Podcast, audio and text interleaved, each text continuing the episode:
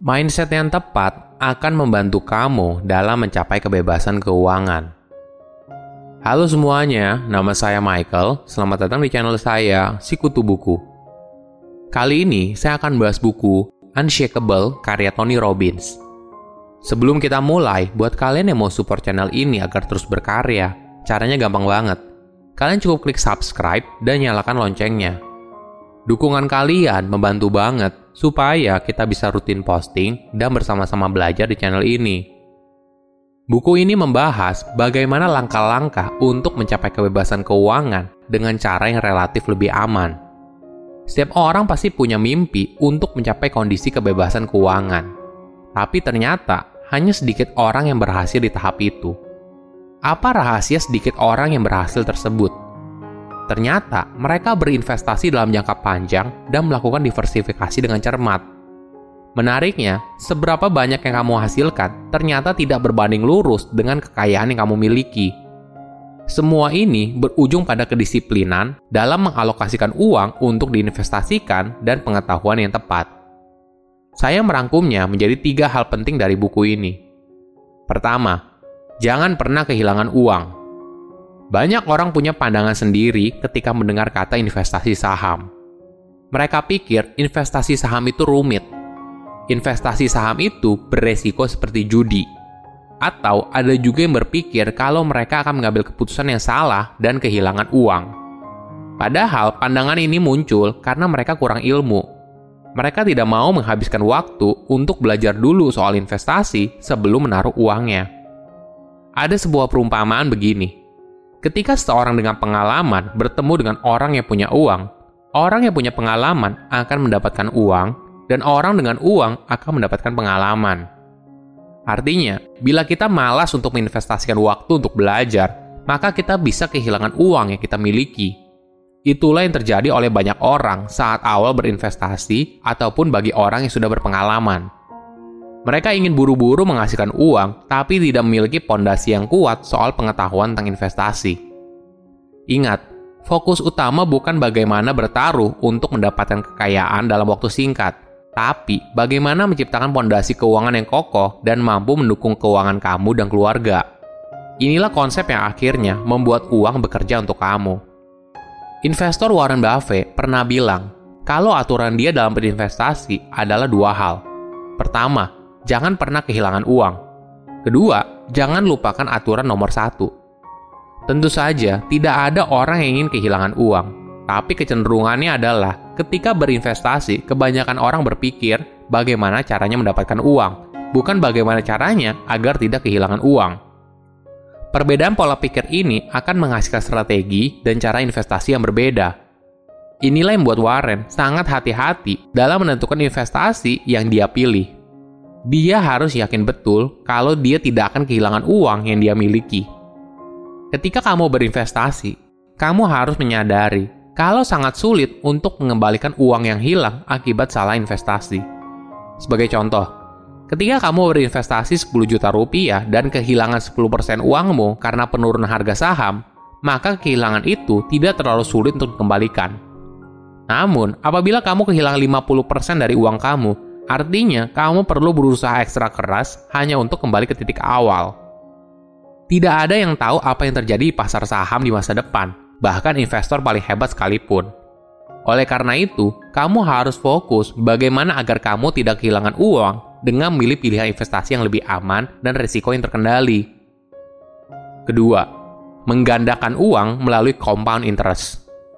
Kenapa investasi bisa menghasilkan uang? Rahasia ajaibnya ternyata karena compound interest atau dikenal dengan nama bunga majemuk. Mungkin saya menjabarkan sedikit konsep compound interest. Misalnya, kita menginvestasikan uang kita sebesar 10 juta rupiah dan mendapatkan keuntungan 10% dalam setahun. Nah, di tahun berikutnya, uang kita bertumbuh menjadi 11 juta rupiah. Kemudian, di tahun berikutnya, kita mendapatkan keuntungan 10% lagi. Jadi, uang kita yang awalnya 10 juta berkembang menjadi 11 juta rupiah sekarang dari 11 juta bertumbuh 10% lagi menjadi 12,1 juta rupiah.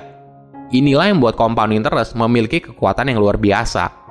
Keuntungan awal yang kita hasilkan tidak berhenti sampai di situ, tapi keuntungan ini akan menghasilkan keuntungan lagi. Dalam jangka waktu yang cukup panjang, kita akan melihat kurva pertumbuhan yang tidak naik lurus konsisten, tapi berkembang secara eksponensial.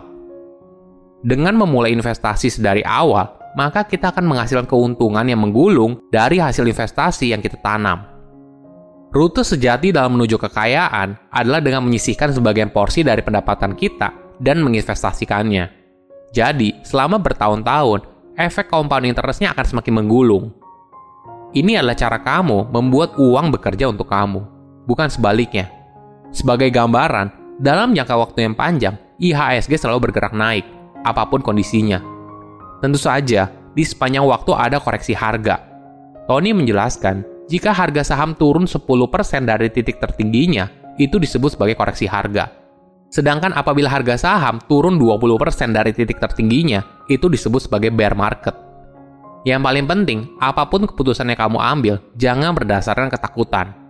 Oleh karena itu, penting untuk dipahami kalau investasi adalah proyek jangka panjang. Jika terjadi resesi seperti yang terjadi di Indonesia sekarang, kamu mungkin akan kehilangan dalam bentuk kerugian yang belum direalisasikan. Tapi, jika kamu tetap tenang, harga saham akan perlahan naik dan kekayaanmu akan bertambah. Ketiga, investasi untung pasti resikonya tinggi.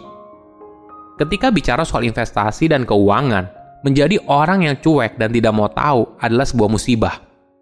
Ketidaktahuan kita soal investasi bisa berpotensi membuat kekayaan yang sudah kita bangun bertahun-tahun bisa hilang dan bisa membuat keluarga juga ikut menderita.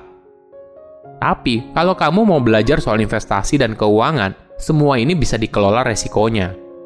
Kamu bisa memilih produk investasi mana yang bisa menghasilkan untung dan relatif lebih aman kalau di buku ini, Tony menyarankan kita untuk berinvestasi pada index fund. Misalnya kalau di Amerika Serikat, ada S&P 500. Jadi, S&P 500 adalah indeks pasar saham yang mengukur harga saham 500 perusahaan terbesar di Amerika Serikat. Mungkin contohnya kalau di Indonesia ada LQ45 atau IDX 30. Namun sayangnya, kita tidak bisa membeli indeks fund di Indonesia kita bisa melakukan hal yang serupa, yaitu misalnya dengan membeli 10 saham dengan kapitalisasi terbesar di bursa dan membagi proporsi besarannya berdasarkan kapitalisasi pasarnya. Cuma kekurangan dari cara ini adalah membutuhkan biaya yang besar. Namun, walaupun begitu, esensi pesannya adalah kita harus cari investasi yang potensi keuntungannya jauh lebih tinggi daripada resikonya. Pesan lain yang tidak kalah penting adalah diversifikasi investasi. Ini merupakan aturan wajib yang harus kamu pahami. Seperti kata pepatah, jangan menaruh semua telur dalam satu keranjang. Begitu juga dengan investasi. Kamu jangan menaruh semuanya dalam satu jenis produk investasi.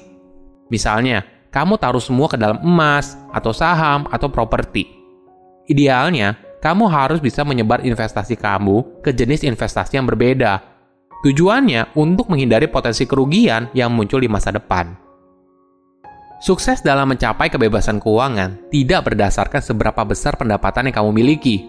Tapi, dengan mindset yang benar dan disiplin keuangan, kamu bisa meraih kebebasan keuangan dalam hidup.